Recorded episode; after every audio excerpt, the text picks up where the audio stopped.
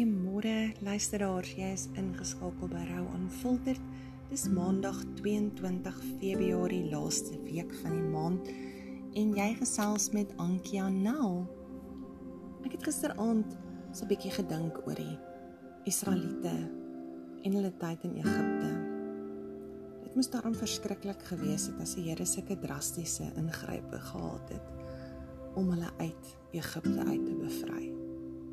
En ek dink die Israeliete het die spesifieke dag wat hulle toe nou daar deur die stadspoorte kan gaan met groot opwinding die Egipte agtergelaat.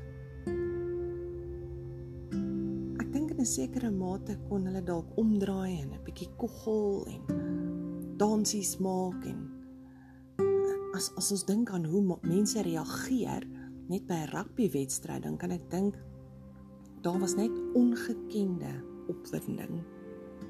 En ewe skielik bevind die Israeliete hulle in ongekende waters waar hulle darm in Egipte nog geëet het en geslaap het nadat hulle hard gewerk het.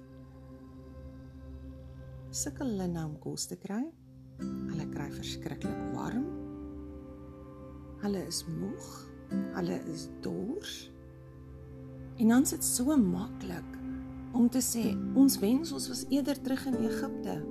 Dit het met ons baie beter gegaan op die plek waar God ons van bevry het. En ek dink so voel dit vir so baie mense wanneer jy in 'n situasie is soos um 'n huwelik. Kom ons begin by 'n huwelik waar jy weggestap het omdat eenvoudig onuithoudbaar geraak het en daar geen manier was dat hierdie huwelik gered kan word nie. Of verhouding. Of 'n vriendskap. Of 'n werk. En jy bevind jouself hierna in moeilike tye. Is dit so maklik om te sê as mens het ek vat maar eerder daardie mishandeling. Dis vir my beter om mishandel te word as om nou so swaar te kry.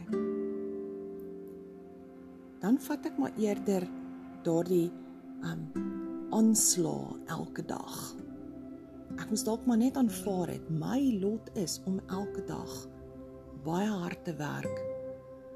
Myself in die grond en werk, nooit tyd te, te hê vir my familie nie maar dit was vir my beter as om nou so swaar te kry. Vriende, ek dink ver oggend toe ek wakker word weer aan die Israeliete en ek besluit ek gaan my Bybel vat en ek gaan kyk hoe God met die Israeliete was deur hierdie swaar kry. En ek wil graag vir julle 'n paar teksverse uitlig. So ons gaan nie groot stukke van môre lees nie. Ons gaan hier en daar los en vat. Maar ek wil graag vir julle vir elkeen ook wat ver oggend voel jy was in Egipte of jy jy is dalk maar jy's so bang om weg te gaan. Jy's so bang as daai hekpoort oopgemaak om om net daar deur te gaan. Miskien is jy uit jou Egipte uit en jy's op pad na jou beloofde land toe, maar dit is moeilik. Jy is jy is elke dag vasgevang in hierdie vrees en bekommernis en waar gaan my kos vandaan kom? Ek voel ek het nie genoeg beskerming nie. Gaan die Here aan my voorsien? Gaan die Here regtig vir my 'n pad maak? So kom ek lees gou saam met julle uit.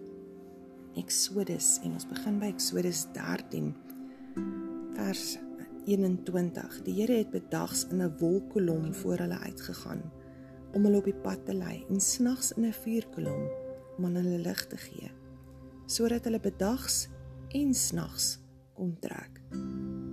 Dit is vir my beskerming sodat hulle nie warm kry nie en nie koud kry nie en hulle het lig dat hulle nie seer kry nie en kan sien waar hulle gaan.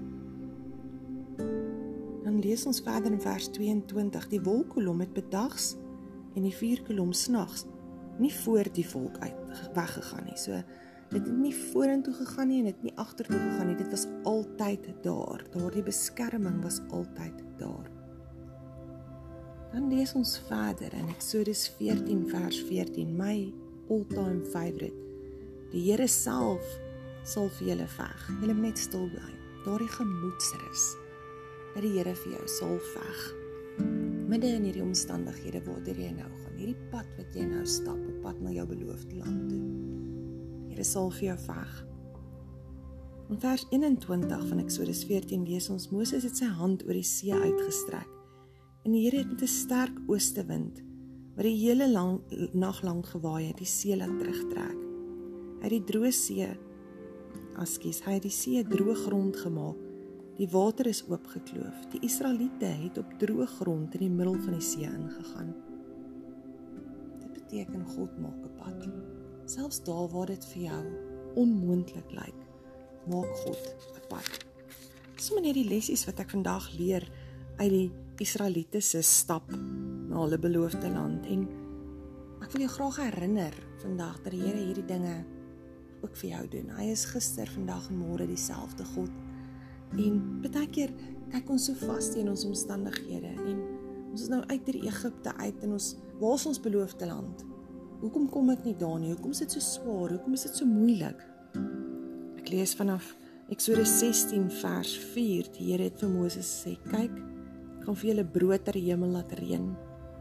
Dan moet die volk uitgaan en genoeg vir elke dag bymekaar maak." Dan blaai ek om en ek lees oor hierdie spesifieke brood. Dit was wit soos koriandersaad en dit het geproe so soet gebak met heuning. So wanneer die Here voorsien, dan voorsien hy nie skamel nie. Hy voorsien in oormaat en dis lekker.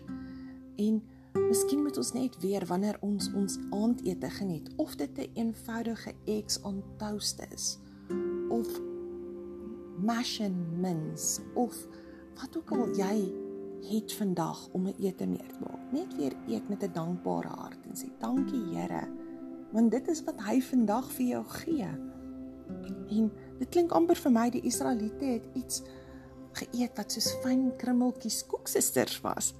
Maar dis voorsiening en die manna wat hulle geëet het, het hulle geëet tot hulle by die grens van Kanaan gekom het.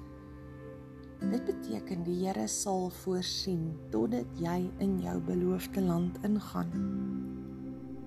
En dan lees ek in Eksodus 17, maar die volk het gesmag na water. En dan lees ons verder in vers 9 van Eksodus 17. Jy moet na die rots gaan en op die rots slaan, dan sal daar water uitkom en die volk sal drink. daarmee glo ek nie die Here wil vir ons sê ons moet nou begin skop en skree en slaan en dan gaan ons die water van die lewe kry. Nie ons hoef hom bloot te aanvaar. Ons in ons lewens inroep midde in ons situasie. Ons hart met hom deel. Sê Here dis waar ek vandag is. Ek is dors. Ek smag na u teenwoordigheid. Ek smag na uitkoms ek smag na koel cool lafenis vir my siel vir my hart vir my liggaam Hierdie is nie 'n maklike pad nie. Niemand het gesê om uit Egipte na jou beloofde land te trek gaan maklik wees nie. Maar vir oggend wil ek vir julle sê hier's soveel bewyse in die woord dat die Here getrou is, dat hy voorsien, dat hy beskerm, dat hy 'n pad maak, dat hy sê hy sal vir ons veg, daardie gemoedsrus. En daarmee eindig ek vandag en begin ek hierdie week vir jou. Ons gesels weer. Totsiens.